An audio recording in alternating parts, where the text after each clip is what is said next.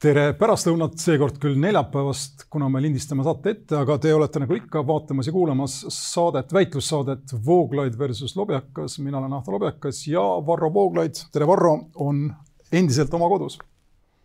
tervist, tervist kõigile vaatajatele-kuulajatele. nii, sa oled oma kodus sellepärast, et sul äh, diagnoositi koroona, seda küll juba nädal või rohkem tagasi, aga profülaktilise meetmena Äh, sind veel tänavale või ütleme siis välja lasta ei tohiks või mis iganes selle põhjendus on. igal juhul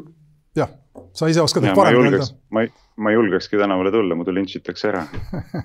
me ei ela, me, me ei ela Ameerikas. võib-olla ja tegelikult jah, me võime siin, ärme kohe võib-olla alustada, aga siin on palju selliseid paralleele, mis tekivad. igal juhul äh, meil on täna saates plaanis rääkida kolmest teemast üks nendest on äh, seesama Ameerika, millele ma viitasin, ehk siis äh, selle nädala kõige aktuaalsem teema, Kapitooliumi ründamine president Donald Trumpi toetajate poolt. siin saab rääkida ilmselt ka veidikene Eesti teemadel, süvariigi küsimusest. edasi räägime me sellest, mis toimus põhiseaduskomisjonis äh, selle nädala alguse poole ning kolmandaks loodan, et aega jääb, räägime vaktsiinidest ja vaktsiiniskeptitsismist ning selle mõistlikkusest ja muust sarnasest üldisemalt aga alustame siis nädala kindlasti top teemast, Kapitooliumi ründamisest, millestki, mida noh, vaevalt, et meist keegi oleks osanud ette ennustada nädal, nädal aega tagasi, ükskõik kui palju meile selle eest raha oleks pakutud.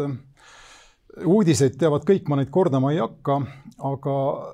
kuidas ma nüüd, ma ei, ma ei, ma ei oska ega taha ega suudagi muud moodi alustada, Varro, kui teatud mõttes küsimusega, ma tean, et see sulle see praktika ei meeldi, aga retooriliselt ma pean lihtsalt õhku viskama selle mõtte, mis mind tabas, kui ma vaatasin neid pilte sealt Kapitooliumist ja seal on see poolpaljas äh, loomasarvedega kiivrit kandev, loomanahku kandev Bravehearti näomaalinguga Trumpi toetaja.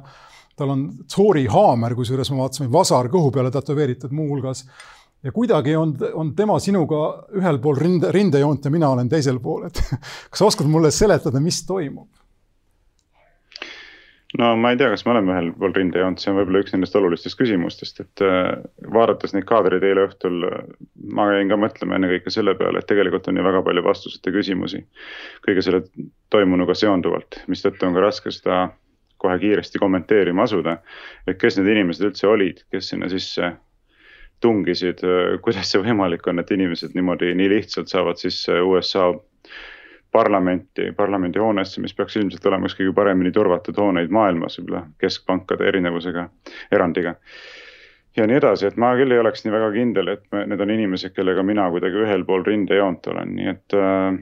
võib-olla neid, neid küsimusi peakski mingil määral ka arutama hakkama. kui ma igal juhul püstitan küsimuse näiteks selle kohta, selle alati olulise küsimuse, et kui bono, eks. et kellele on see kasulik et selline intsident aset leiab, siis ilmselgelt ei ole see mitte kuidagi kasulik Donald Trumpile või Donald Trumpi pooldajatele, sest nüüd on antud, eks ole, sellised avalikud faktid, mida saab väga-väga jõuliselt Trumpi ja Trumpi pooldajate vastu välja mängida. et vaadake nüüd, et millised inimesed te olete, kuidas te käitute, eks, mitte et demokraatide toetajad poleks äh, palju vägivaldsemalt ja brutaalsemalt käitunud pikka aega, aga, aga see on eraldi küsimus. aga ma ei arva, et see Trumpi pooldajatele Trumpile kasulik on, mistõttu mina küll küsiksin seda küsimust, et äh, kes need inimesed tegelikult on ja mis seal tegelikult aset leidis. no ma tahan, kui ma tohiksin natukene iroonialainel jätkata, siis kas ma loen õigesti välja sinu jutust selle mõtte, et sa ei pea võimatuks seda, et tegemist on Black Lives Matter organiseeritud äh, konspiratiivse mingi maskeraadiga või et tegelikult need ei olnud Trumpi toetajaid, vaid tegelikult oli tegemist äh, Antifa ja vasakäärmuslaste esindajatega, kes, kes mängisid neid rolle. no ma hästi ei usu, et isegi sina niimoodi mõtleksid, äh, sest meil on muuhulgas ka ju infona olemas tänaseks juba neljapäevaks see teave mida, mille Trump ise paiskas Twitterisse põhiliselt, aga ka Facebooki, ta toetas neid inimesi, ta ütles, ta armastab neid, ta ütles, need oleme meie, ta ütles, et nii juhtub, kui minuga niimoodi tehakse ja siis kusagile vahele ta ütles, et ärge olla, ärge olge vägivaldsed. aga põhimõtteliselt lõppes see vähemalt tänase päeva, tänase päeva seisuga sellega, et Trumpi äh, Twitteri ja Facebooki kontod on ajutiselt suletud, ehk siis side Trumpi ja nende inimeste vahel on, on elus ja reaalne, ma ei näe, kuidas sellest saab kahelda. ja mis puudutab politseid, siis tegemist on suuresti sama politseiga, kes äh, Black Lives Matter ja vasakpoolsete inimeste demonstratsioone on väga vägivaldselt kohelnud, ma saan aru, nii palju ma meediat olen hommikupoole lugenud, et, et öeldakse, et politsei lasi need inimesed suhteliselt lihtsalt läbi, kuna politseis on palju inimesi, kes sümpatiseerivad nende vaadetega no esiteks alustame lõpust, et mis mõttes Black Lives Matter proteste on väga vägivaldselt äh, koheldud ja neid maha surutud, vastupidi, see on ju olnud täiesti piinlik vaadata, kuidas lubatakse sellist märatsemist ja mässamist tänavatel päevade viisi, nädalate viisi, kohati Seattle'is seal igal pool mingit autonoomsete tsoonide väljakuulutamist, kus õiguskord enam ei kehti ja nii edasi, et. et kõik on ju tegelikult olnud täpselt vastupidi, et see on olnud piinlik lihtsalt, kui pehmelt neid on koheldud aga, aga nüüd sellest samast intsidendist rääkides muidugi peaks mõtlema ka selle peale, et miks asjad nii kaugele jõuavad, et ma ei tea, kes seda on korraldanud või kes need inimesed on, kes seda on eest vedanud ja mis seal taga on, aga nii palju on elu mulle õpetanud, et äh, niisuguseid sündmusi ei maksa võtta, nagu öeldakse. Äh, kuidas öelda, selle esmapilgul nähtuva Äh, alusel, et väga-väga sageli enamasti on äh, pinna, pinna all peidus nii mõndagi sellist, mis, mida esmapilgul ei märka. aga ma ei oska su küsimustele vastata, kes need siis tegelikult on või mis seal toimunud on, aga ma arvan, et need küsimused väärivad uurimist. aga mis on tähelepanuväärne, muidugi see, et äh, ega niisugused sündmused ei leia ju aset ilma, oletame, oletades, et tegemist on nüüd tõesti veendunud Trumpi pooldajatega et inimesed oleks jõudnud meeleheiteni, et äh, kui on ikkagi väga-väga suure osa populatsiooni seas väga tõsine kahtlus, et äh, valimisi üritatakse varastada, nagu nad oma loosungites seal ka skandeerivad. Stop the steal siis ilmselt nähakse seda ka sellise viimase võimalusena, et oma meeleheidet välja valada, et äh, kohtud ei võta menetlusse erinevaid kaebusi, millega seatakse kahtluse alla valimiste õiguspärasus ja nii edasi ja lõpuks inimesed ütlevad, et aga noh, kuidagi peame ju äh, seisma selle eest, et äh, valimisi ei varastades, kui nad reaalselt sellesse usuvad ja huvitav muuseas seejuures mainin ühte asja sellest veel, et kui me vaatame Eesti Vabariigi põhiseadust, ma kirjutasin ka välja. et paragrahvis viiskümmend neli on meil ka sätestatud selline asi, et Eesti kodaniku kohus on olla ustav põhiseaduslikule korrale ning kaitsta Eesti iseseisvust ja lõige kaks lisab, kui muid vahendeid ei leidu, on igal Eesti kodanikul õigus osutada põhiseadusliku korra vägivaldsele muutmisele omaalgatuslikku vastupanu. noh, vägivaldse muutmisega meil antud juhul vist otseselt tegemist ei ole, isegi nende inimeste veendumuste kohaselt, aga ilmselt väga paljud tõepoolest usuvad, et tegemist on põhiseadusliku korra muutmisega, mis ei ole õiguspärane. ja siis ilmselt on asutud osutama omaalgatuslikku vastupanu, nii et kuhu need protsessid võivad veel nagu jõuda, see, seda saab olema päris huvitav vaadata no siin on nüüd päris mitu teemat nagu avanevad. ma e-, esiteks tahaksin sulle tsiteerida või vastata senati vabariikliku veel vist eilseni siis enamuse liidri Mitch McConnelli sõnadega, mille ta adresseeris president Trumpile. ta ütles, et kui valijad on otsustanud, riigivõimu organid, organid ehk siis erinevad valimiskomisjonid on otsustanud ja kohtud on otsustanud, siis ei saa ühiskond, ei saa Ameerika Ühendriikide äh, Äh, riigivõimuorganid, senat kaasa arvatud, lihtsalt ühe inimese kõhutunde pealt minna seda kõike tagasi tegema. nii et, et põhimõtteliselt mis iganes on nende inimeste kaebused või kõhutunded, kes tulid Trumpi toetama, kõik, mis Ameerika Ühendriikides on institutsionaalselt paika pandud ja see nii-öelda demokraatlik vaba ühiskonnakorraldus on protseduuriliselt kõik oma sammud läbi käinud ja midagi vägivaldselt seal olla ei ole ega olla saagi. kui me vägivallast räägime, siis muuseas Ühendriikide põhiseaduses, Ühendriikide seadusandluses, isegi põhiseaduses, kui ma ei eksi, on punkt pigem vastupidine, mis ütleb, et inimesed, keda on rohkem kui üks, kes riigikorra vastu üles tõusevad või hakkavad selle vastu sõda pidama peavad karistust kandma ja siin on võimalik rääkida ilmselt ka president Trumpist, nii et mulle tundub, et see argument pöördub pigem sinu vastu, nagu sa ise ka ütlesid, vägivalda ju riigi tasandil ei olnud, vägivald toodi ikkagi väljaspoolt sisse. ja kolmandaks tekib küsimus ja see on omaette teema. ma olen mõnes mõttes sinuga nagu nõus, kui sa räägid üldisemalt sellest, et tavakodanikku tuleb kuulda ja tema häält tuleb kuulda võtta ja see on see osa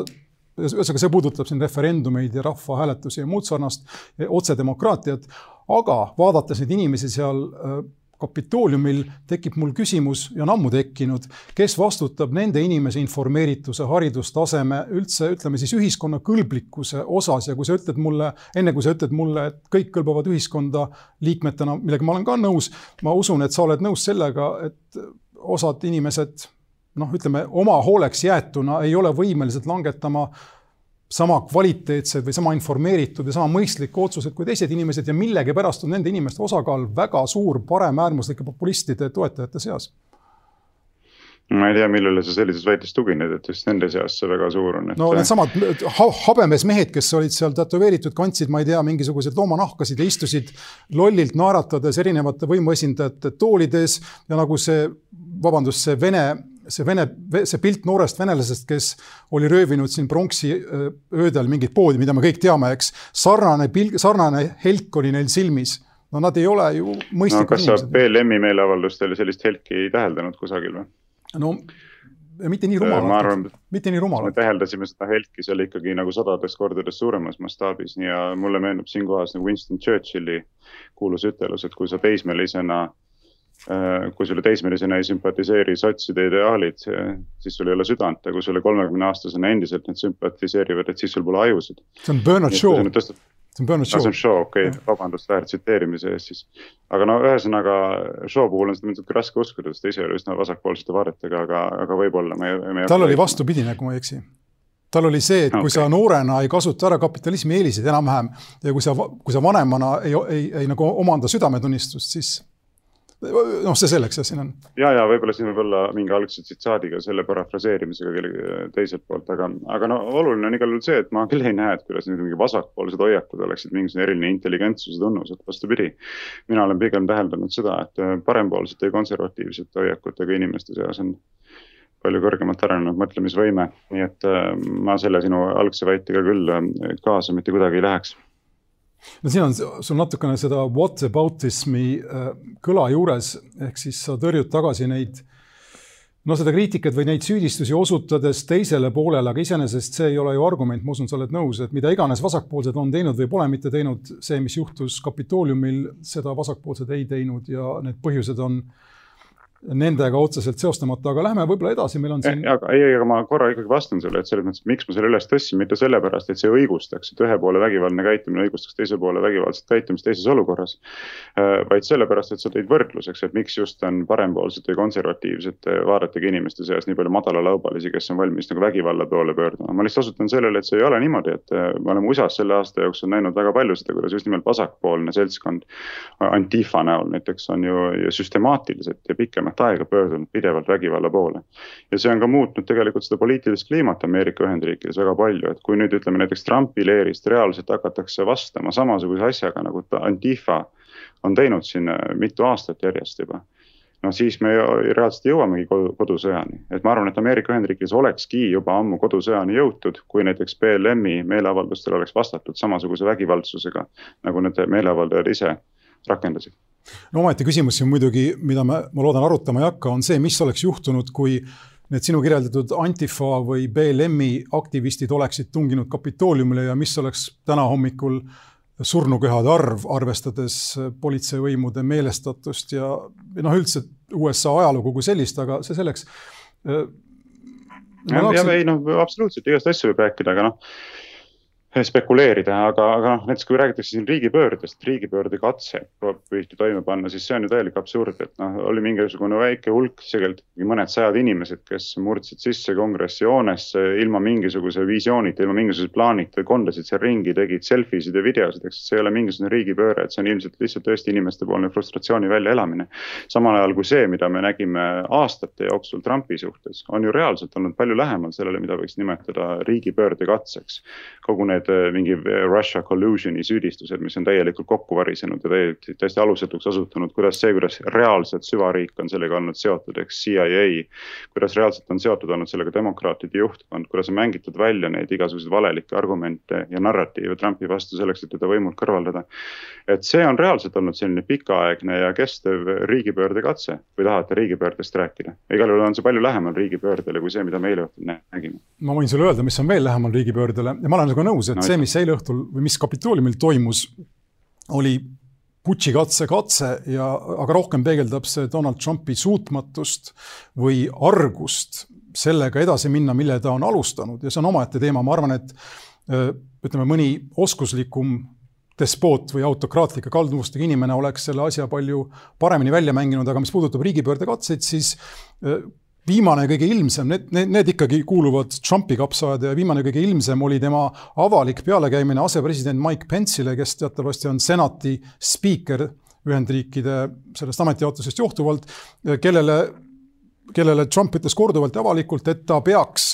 siis presidendi soovil mitte kinnitama või, või, või mitte laskma senatil kinnitada neid, need valimistulemused, millest siin jutt on, eks valimiskogu lõplikud tulemused ja Mike Pence kõikidest inimestest oli talle sunnitud ütlema, ma, ma tsiteerin peast, et kui ta andis ametivande, siis ta sinna lõppu ütles, nii aidaku mind Jumal, so help me God. ja Jumalale nii-öelda otsa vaadates ta täna tunneb, et ta ei saa Trumpi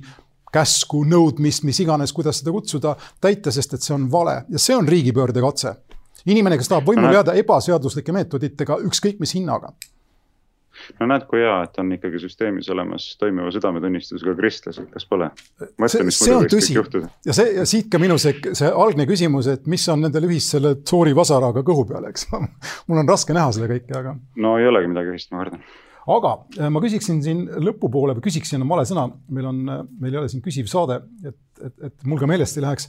aga äh, võtaks sisse natukene seda Eesti rakurssi, meil oli plaanis rääkida Mart ja Martin Helme jutust süvariigi kohta, mis tekitas väiksest, väikse diplomaatilise skandaali siin nädala alguse poole, kui nad ütlesid äh, enda selles Star raadio raadiosaates, et Prantsusmaal on süvariik võimul ja kui ma ei eksi, siis Leedu ja Rumeenias, Leedu ja Rumeenia olid need kohad, kus süvariik valimised ära fikseeris. kui nüüd, kui me räägime üldisemalt sellest fenomenist, mida me, noh, mida mina pean Trumpiks ja paljud peavad Trumpiks, eks, siis mulle tundub, et siin on tegemist sellise kultuurikonfliktiga, mida Eestisse mingil juhul importida ei tohi ning kui keegi esindab Eestis seda Trumpi poolt ja võimalikku noh, ütleme siis Toompeale tungimist, siis on ju need inimesed, perekond Helmed, kes siin päris selle valitsuse võimule tulles, kui see veel päris kindel ei olnud, ütlesid mingil hetkel, et kui neid valitsusse ei lasta, tuleb rahvas tänavatele. täpselt sama skeem Äh, mida nad siis ilmselt tajusid kuidagi kõhutundega või mis iganes, aga mis tuleb paremäärmuslikule poliitikule väga loomulikult ja lihtsalt. no aga rahva tänavale tulemine on ju täiesti loomulik osa demokraatlikust äh, ühiskonnakorraldusest ja protsessist, et ma küll ei näe, et selles peaks mingit probleemi nägema, et kui me nüüd hakkame nagu sellist seisukohta võtma, et kui keegi ütleb, et inimesed võiksid ühe või teise või kolmanda eesmärgi nimel tulla tänavatele oma meelt avaldama, siis siis see kindlasti ei ole kooskõlas sellega, mis, mida näevad ette demokraatliku ühiskonnakorralduse alused, eks, et meele, avalik meele avaldamine on õigus, mis on isegi põhiseadusega ette nähtud. ja põhiseaduses on väga oluliselt veel öeldud, et selleks ei ole isegi vaja riigivõimu luba mitte kellelgi. et eh, avaliku eh, koosoleku meeleavalduse korraldamiseks Eestis ei ole vaja riigivõimu luba, see on oluline osa demokraatlikust protsessist, kui seda ära keelata noh, ma arvan, et sa ise ka ei pea, pea seda õigeks, seda peaks kuidagi ära keelama või isegi kuidagi noomima seda, et inimesed äh, käsitlevad seda olulise osana demokraatlikest õigustest, eks tänavatel meelt avaldada, aga ma arvan, et seost luua siin nüüd ütleme mingisuguse sellise väljenduse vahel. ja siis eile näiteks seal Kapitooliumi künkal toimunu vahel äh, on küll meelevaldne, et äh, mitte keegi ei ole EKRE-st minule teadaolevalt mitte kunagi kutsunud inimesi üles mingit vägivaldselt sekkuma riigiorganite töösse ja takistama seda ma arvan, et see oli suhteliselt äh, halvasti looritatud ähvardus toona ja ma arvan, et meil on olemas peaaegu et sajaprotsendiline ekvivalents nende inimeste vahel, kes EKRE-t täna juhivad ning nende inimeste vahel, kes eile Kapitooliumil olid, ehk siis äh, saata või saada sellised inimesed, ütleme siis vähem haritud, elust, elule kuidagi alla jäänud ja jah, mingite probleemidega või muredega inimesed, saada need inimesed süvariiki otsima Toompealt või mujalt ei ole eriti keeruline ja, ja sellega Mart Helme, ma arvan, et riiki ähvardaski, aga no see selleks. igal juhul süvariiki no nad otsivad me, sealt ju kui me nüüd vaatame nagu seda, mis siin nüüd selles järjekordses skandaalis on saanud, siis me oleme siin saates ju ka mitu korda selle peal peatunud, et tegelikult imetakse välja nagu torm veeklaasist, et ma võtsin ka kätte ja kuulasin siis korraks, et mida nad seal saates siis nagu reaalselt ütlesid selle asja kohta, et mille pärast siis president siin juba räägib, et võtke ennast kokku ja Mikser kuulutab, et kahjustatakse liitlassuhteid ja. ja ka Postimees, ma olen siin ka Postimehe suhtes kriitiline, kuulutab juhtkirjas, et EKRE esindajad Martin Helme tuleks sundida valitsusest lahkuma, no, no mille pärast siis nüüd vaatame, et ma kirjutasin tsitaadi välja. Mart Helme ütles, mis toimus valimistel näiteks Leedus viimane kord. nii ilmselgelt läbipaistev süvariigi skeem, mis seal käivitati ja mis õnnestus läbi suruda. ja Martin Helme lisas, et prooviti sama asja Rumeenias, täpselt sama muster, nii nüüd, kas keegi ütleks mulle, kus selles on öeldud, et äh, Leedu valimised ei ole legitiimsed või et valimised ei ole toimunud demokraatlikult? Ega see, et on käivitatud mingisuguseid skeeme, mille kaudu saavutada tule, valimistel teatavad tulemused, ei tähenda ju seda, et valimised kui sellised oleksid illegitiimsed või ebademokraatlikud. Valimiste eel käivitatakse kõikvõimalikke skeeme kogu aeg, kõik erakonnad käivitavad skeeme, meediaväljaanded käivitavad skeeme, et endale meelepäraseid äh, tulemusi saavutada.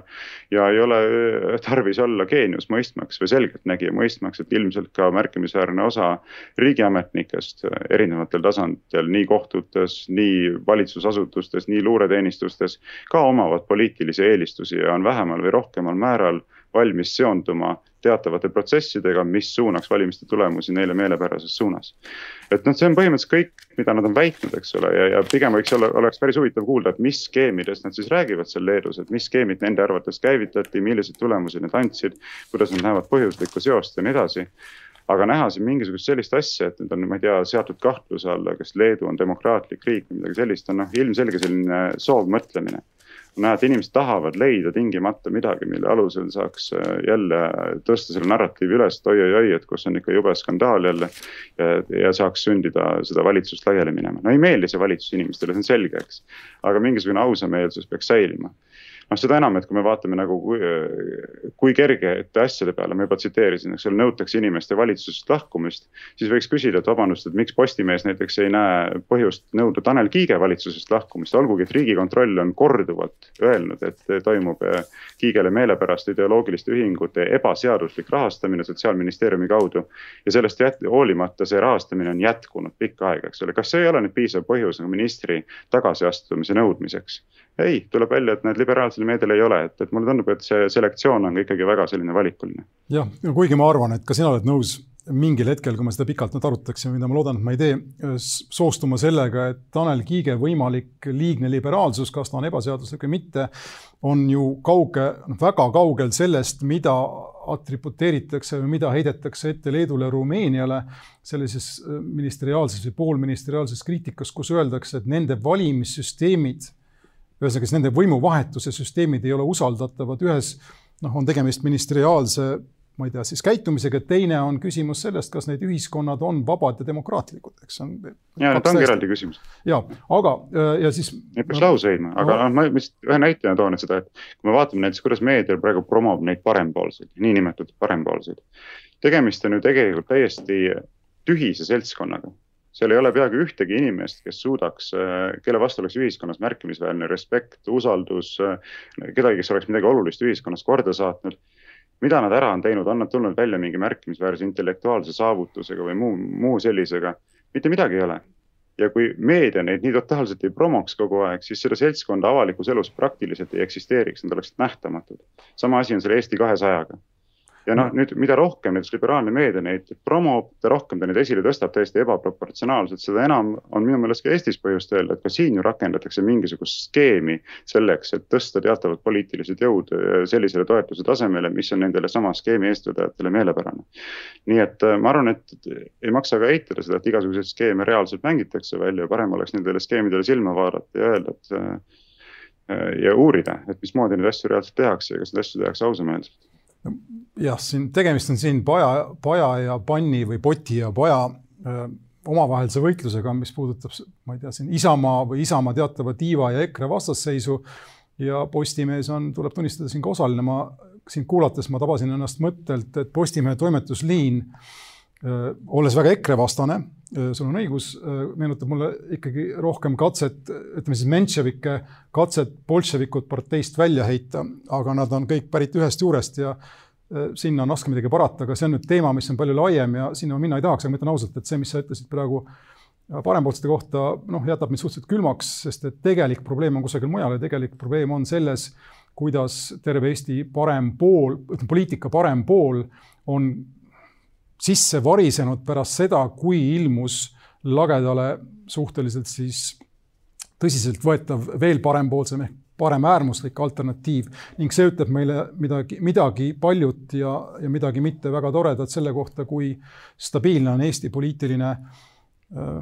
poliitiline maastik, aga, aga jah, probleem on paremal ja see tuleb paremal poolel ja paremäärmusel ise ära lahendada. aga ma arvan, et me võiksime siin teha väikese pausi, muidu me ei, ei saagi rääkima teistest no. teemadest ma lihtsalt ühe lause, kui sa lubad, et äh, mõtlemisaineks võiks inimestele jääda see, et milline võiks olla Eesti ühiskonnas EKRE toetus. kui nad naudiksid samasugust meediatoetust ja promo nagu näiteks Eesti kakssada või parempoolsed. nii, mõelgem selle peale. kas ma tohin sulle ühe lause vastu öelda ja see on nüüd äh, viide Saksamaale, kust on pärit äh, EKRE tänapäevane ja ka minevikus siis ammutatav nii-öelda noh, eeskuju, eks. ja seal Saksamaal kaks tuhat kuusteist pärast seda sisserännu, sisserändekriisi olid valimised ja mul on meeles üks küsitlus, kus toona ligi pool Saksa rahvastikust või siis küsitletutest ütles, et nad on põhimõtteliselt nõus Alternative für Deutschlandi, sealse paremäärmusliku liikumise programmiga, see puudutas siis sisserännet ja muud sarnast, eks. aga nagu me mäletame, Alternatiiv, für Deutschland sai vist kaksteist protsenti või midagi sarnast häältest ning see seletus siis selle küsimusega, kus küsiti, kas te toetaksite AfD-d, mis peale viisteist protsenti oli inimesi, kes ütlesid, et nad äh, AfD-d või võiksid toetada, ülejäänud ütlesid, et seni, kuni AfD on paremäärmuslik ehk teeb neid viiteid Saksamaa minevikule, Hitlerile ja muule või laseb vähemalt aimata neid kontakte. seni nad nende poolt ei hääleta ja ma loodan, et seesama printsiip töötab ka Eesti valijate seas, ehk siis EKRE on võtnud nende maksimumi, mis on muidugi suurem kui Saksamaal, aga enamus ka paremale kalduvatest Eesti inimestest ei toetaks EKRE-t seni, kuni nad ei ole maha võtnud äh, kogu seda paremäärmuslikku ja neonatslikku noh, ma ei tea, vähemalt varj, varjundit, millele nad mängivad no ja see on see varjund, mida meedia ise pidevalt loob, eks, maksimaalselt nii palju kui võimalik, et EKRE väljavaated kasvatada oma populaarsust ulatuslikult sõltuvad väga palju sellest, kuidas kujuneb Eesti meediamaastik. no siin käsi, käsi mustab. või EPL Delfi sugused väljaanded toetaksid konservatiivseid jõude, siis oleks see toetus ka hoopis teistsugune, selle asemel, et neid demoniseerida. no käsi mustab kätt siis, kui parafraseerida või ümber öelda midagi, aga olgu, teeme väikese vahe sisse, et tulla tagasi äh, järgmise teemaga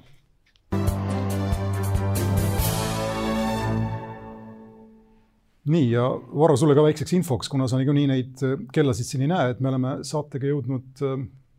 poole peale natukene üle. ja no,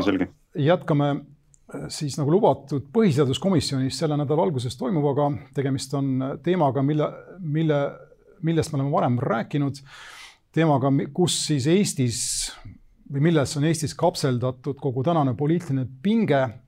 tähendab, tegemist on siis sümboolse kapseldusega, see on see abielureferendum ning abielu, abielureferendumi korraldamise eelnõu liigub nüüd läbi parlamentaarsete kanalite, ta on äh, põhiseaduskomisjonis,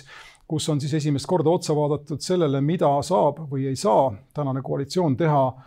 vis-a-vis opositsiooni katsetele ta rajalt maha joosta kümnete tuhandete äh, tihti siis asjasse mitte puutuvat puudutab, puutuvate parandustega ning äh, kui ma nüüd õigesti aru saan, siis viimane seis on selline, et äh, Anti Poolamets, selle komisjoni esimees, kes esindab EKRE-t, on saanud äh, Keskerakonna Dabro, Isamaa Dabro ka teha siis parlamenta-, luua selline pretsedent siis, kus need parandusettepanekud sisuliselt käiakse läbi niimoodi, et igale saadikule, kes on ettepanekuid teinud, ükskõik kui palju nad teinud on, antakse viis minutit ja tuleb järgmine ja see kõik laheneb siis kusagil kahe tunniga. ma ei tea, sina võiksid siis arvata selle seletuse peale midagi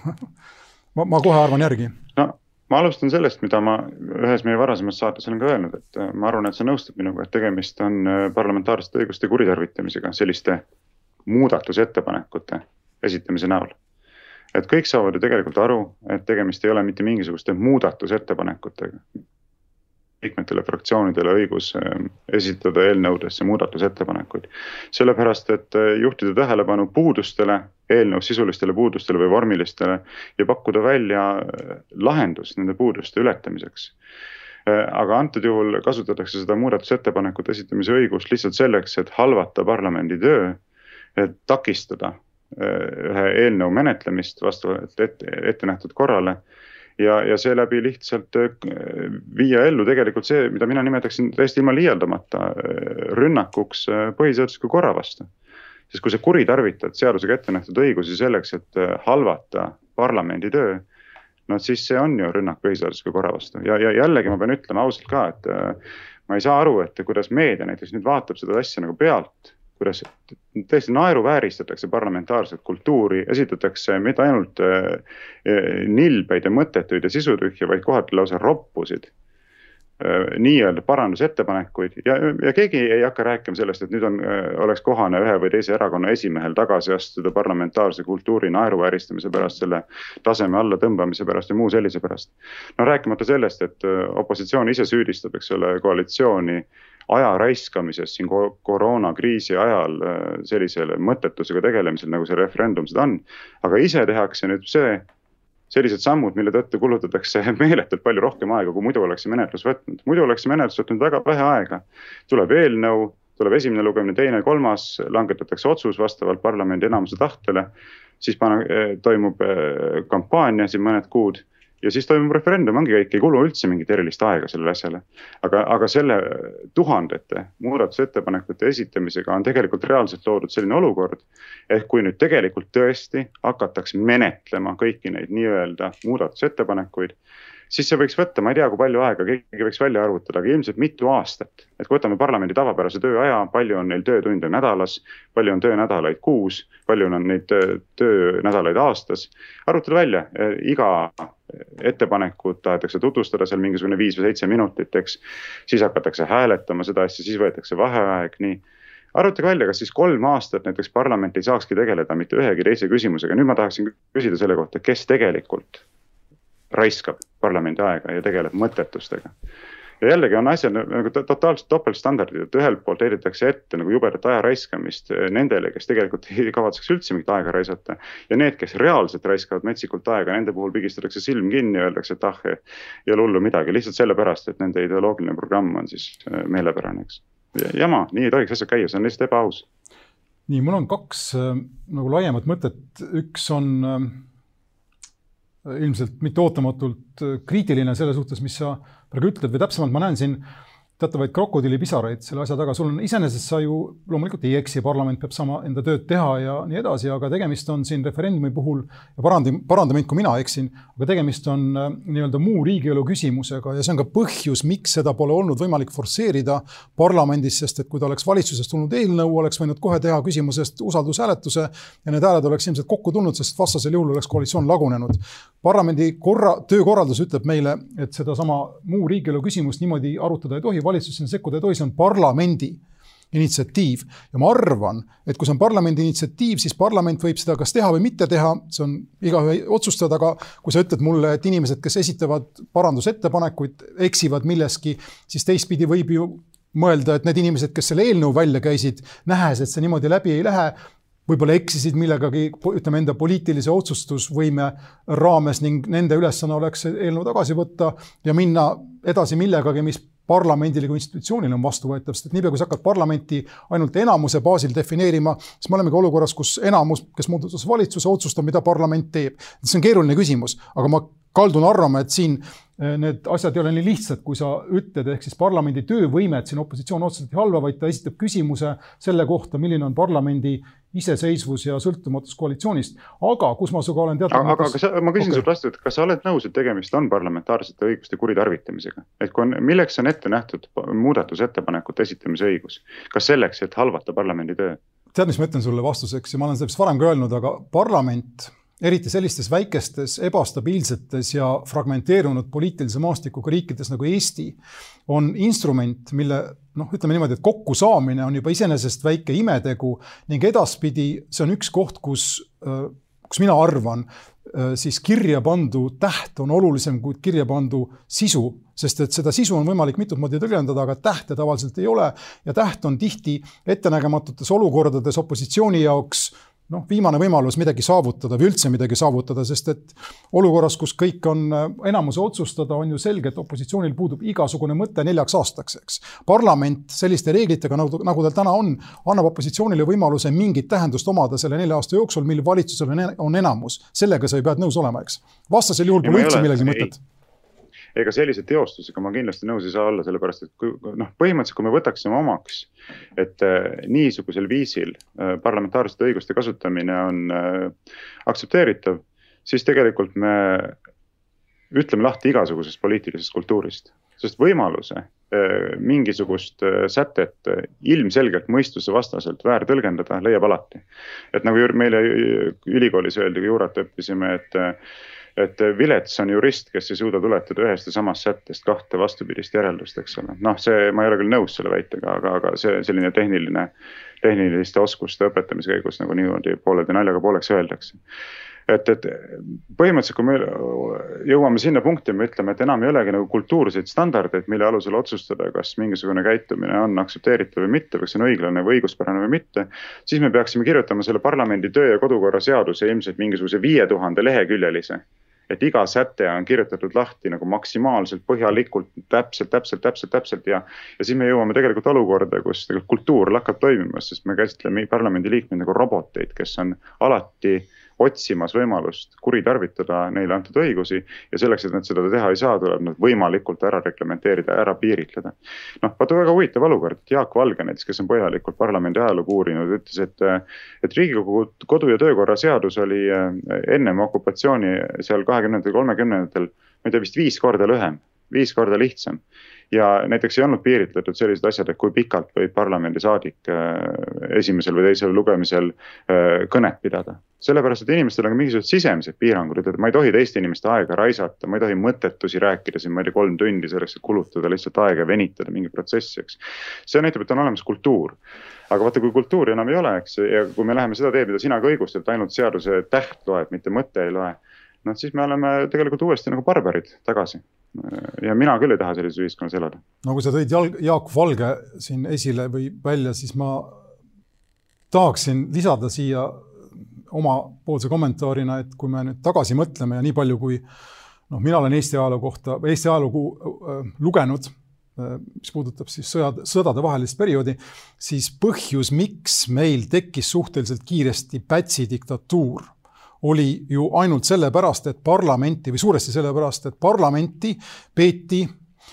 tõhusamat võimu otsivate poliitiliste jõudude poolt aja raiskamiseks, lihtsalt jututoaks ja nii edasi. see, mida sa praegu siin kiidad ja mida Jaak Valge tundub kiitvat, oli ju põhimõtteliselt aineseks või aluseks või alguseks sellele, mida kujutas endast vapside liikumine keda ma siin võrdleksin EKRE ja ütleme siis paremäärmuslastega. Need inimesed seadsid parlamentaarse traditsiooni küsimärgi alla, need inimesed tulid välja mm. erinevate konstitutsiooni variantide ja erinevate presidendi institutsiooni, oota korraks, presidendi institutsiooni tugevdamise mõtetega, mis viisid siis olukorda selle, olukorra selleni, kus mm, pea, segi aetud peaga enamus oleks ilmselt referendumil sellega kaasa läinud ning Päts pani käe ette ja kehtestas teistsuguse diktatuuri, aga mis siin kõik kaotsi läks ja, ja mille eest keegi ei seisnud, ei vabariik, ei vapsid ega Päts, oli parlamendi iseseisvus ja selle eest üritan mina praegu seista. Ei, ma olen täiesti risti vastupidisel arvamusel, esiteks ajalooliselt süüdistus, et vapsid soovisid diktatuuri kehtestada, on täiesti alusetu, mitte ükski fakt seda ei. Nad ründasid parlamenti, nad ründasid parlamenti kui mõttetut jututuba, mis ei suuda poliitikat läbi viia, nad osutasid valitsuste vaheldumise kiirusele ja muule sarnasele. no no mis tähendab, ründasid parlamenti, nad tahtsid tõepoolest korraldada põhiseaduslikku süsteemi veidi ümber, et täitevvõimu roll oleks suurem, aga see ei ole ju iseenesest kuidagi kohatu, et Prantsusmaal on selline süsteem, Ameerika Ühendriikides on selline süsteem, et see ei ole. ma arvan ka sinu hinnangul kuidagi vähem demokraatlik, et erinevaid põhiseaduslikke süsteeme on olemas. aga nüüd teiseks, kui keegi praegu eh, loob vundamenti eh, sellist tugevat keskvõimu ihaldavate jõudude esile kerkimiseks ja nende edu saavutamiseks, siis teeb seda täpselt just nimelt opositsioon kes muudab parlamendi töö selliseks karnevaliks ja tsirkuseks. et sa oled ju nõus minuga, kui esitatakse selliseid ettepanekuid, et kas Eestis peaks olema lubatud abielud ainult elus naistega näiteks, siis see on ju parlamendi töö naeruvääristamine see on irvitamine parlamendi väärikuse üle. ja, ja kui sellist asja tehakse ja kui see muutub normiks, siis on täiesti ootuspärane, et inimesed ütlevad, et aga sellist organit meil ei ole vaja, kus tegeletakse lolli mängimisega, et sada üks inimest saavad kõrget palka ja lihtsalt raiskavad meie kõigi raha aega, energiat, tähelepanu sellega, et teevad pulli seal, teevad tsirkust parlamendist. Äh, ma arvan, et see otsene järelduus peaks olema see, et jah, meil ongi vaja sellisest organist lahti saada, meil on vaja tugevat keskvõimu, sellepärast et noh, me oleme näinud, milleni see viib, kui see parlamentaarne kultuur jär, pidevalt nagu jär, järjepidevalt alla käib no ma otseselt ei vaidle selle mõttega, et nii opositsioon ja mitte ainult valitsus või koalitsioon ei pea mõtlema sellele, mida nad enda erinevate soovidega parlamendilt tahavad. mõlemad instrumentaliseerivad tänase parlamendi ja tegelikult parlamentaarse korraga, korrakaitse äh, jäetakse noh, kellelegi muule ja see on iseenesest ohtlik situatsioon, sest et äh, parlamenti instrumendina võimuvõitluses või välis, tema välises võimuvõitluses on, on, on, on midagi, millele ta alati alla jääb ja kui aus olla, siis ütleme, õigluse huvides märgin ära selle, et ega Reformierakond, kui ta oli valitsuses, ei olnud parlamentaarse äh, lõputu parlamentaarse debati austaja, meenutagem neid ööistungeid, millega oli mingi öö jooksul või paari öö jooksul antud opositsioonile võimalus pidurdada olulisi asju nagu eelarve vastuvõtmine, mille, millise võimaluse opositsioon ära kasutas, aga millise võimaluse ärakasutamise suhtes inimesed nagu Jürgen Ligi olid äärmiselt sappised ja rääkisid samasugust juttu tegelikult nagu sina, ehk rääkisid siis sellest, et niimoodi ei saa riigis mitte midagi teha, nii ei saa vastu võtta ühtegi seadust, nii ei saa valitsus tegutseda. põhimõtteliselt on tegemist selles mõttes jah, poti ja panni üksteise, üksteise vahelise võit, võitlusega selles kontekstis. aga mida ma siis üritangi öelda, on see, et ainukene ja sorry, ma tulen selle juurde tagasi, ainukene, mis meil on kahe siis vastandliku poliitilise jõu võimuvõitluses, on ikkagi see, mis on kirja pandud, mitte tõlgendus. Ja sorry, siin ma jään selle juurde, et kui nüüd vahetada nii-öelda hobuseid keset seda lahingut või, või, või, või ümber kirjutada seadusi selleks, et praegu valitsusel olev pool midagi saaks teha, siis, siis see on võib-olla kõige suurem viga nojah, aga huvitav, et sa nagu mingites teistes olukordades ei ole nõus nagu samasugust lähenemist tunnistama, et kui näiteks kõige, räägime kõige olulisematest inimõigustest, igal inimesel on õigus elule, eks. nii, siin ei peeta kinni nagu seaduse sellest äh,. ärme lähe praegu sinna. ja ei, aga see on olnud, kõik inimesed on seaduses ja aga, aga siis ei ole, siis ei ole, ei, me hakkame tõlgendama, kes ikka kvalifitseerub ja kes ei kvalifitseeru, aga siis ole nagu järjepidev, et ütle siis otse, et äh, kui on sättes kinnipidamine, otsesõnu siis olgu ta igal pool, eriti nendes olulistes küsimustes. okei okay,, aga piirdume praegu parlamendiga. ma, ma, ma, ei taha ka sinna minna, aga ma lisan sinule kommentaariks ühe asja küll, et, et mida mina tahaksin näha sellises olukorras, sa viitasid siin eelnevate valitsuste käitumisele ja eelnevate opositsioonide käitumisele ja nii edasi. ja vaata, meedia roll võiks olla just nimelt see, et selline parlamentaarselt ebakultuurne käitumine mõistetakse hukka sõltumata sellest, kes seda toime paneb. kas paneb seda toime praegune opositsioon, paneb seda toime tulevane opositsioon, sõltumata sellest, millise küsimuse kontekstis seda toime pannakse. aga reaalsuses, mida me näeme, on tegelikult see, et meedia praegu seda obstruktsiooni, mis on otsene veiderdamine ja lolli mängimine parlamendis, maksumaksjate raha raiskamine, aja raiskamine, nii edasi, ei mõista hukka mina ei ole näinud, et seda mõistaks hukka Postimees, ma ei ole näinud, et seda mõistaks hukka Eesti Päevaleht Delfi ja, ja sellega kiidetakse selline käitumine heaks ja ärgem siis imestagem, kui tulevikus kõik teised jõud võivad täpselt samasugust käitumist üles rakendada, et muuta parlamendi töö üha rohkem selliseks karnevaliks ja tsirkuseks. siin ma ei saa sinuga päriselt eriarvamusel isegi olla, aga ma võib-olla ma olen natuke teise nurga alt näen seda asja, aga ma saan ainult korrata enda varasemat vaadet, mille kohaselt meil ei ole Eestis läänelikke institutsioone, ei ole läänelikku demokraatiat ega õigusriiki ega saagi olla, sest et kakskümmend viis, kolmkümmend aastat ei ole piisav aeg, et seda no ütleme, institutsioonina juurutada, aga siia juurde selle mündi teine külg muidugi on ka see, et meil ei ole ka läänelikku meediat. see on teine teema, see meedia, mis meil on, on ütleme siis üksikisikute äh, kangelaslik, kangelaslik pingutus tihti, aga see meedia on olnud varasematel aegadel väga võimusõbralik ja kannatab praegu selle all, et see võim, mis on praegu võimul, ei ole tema sõbralik, aga jah, see ei ole läänelik situatsioon meil. aga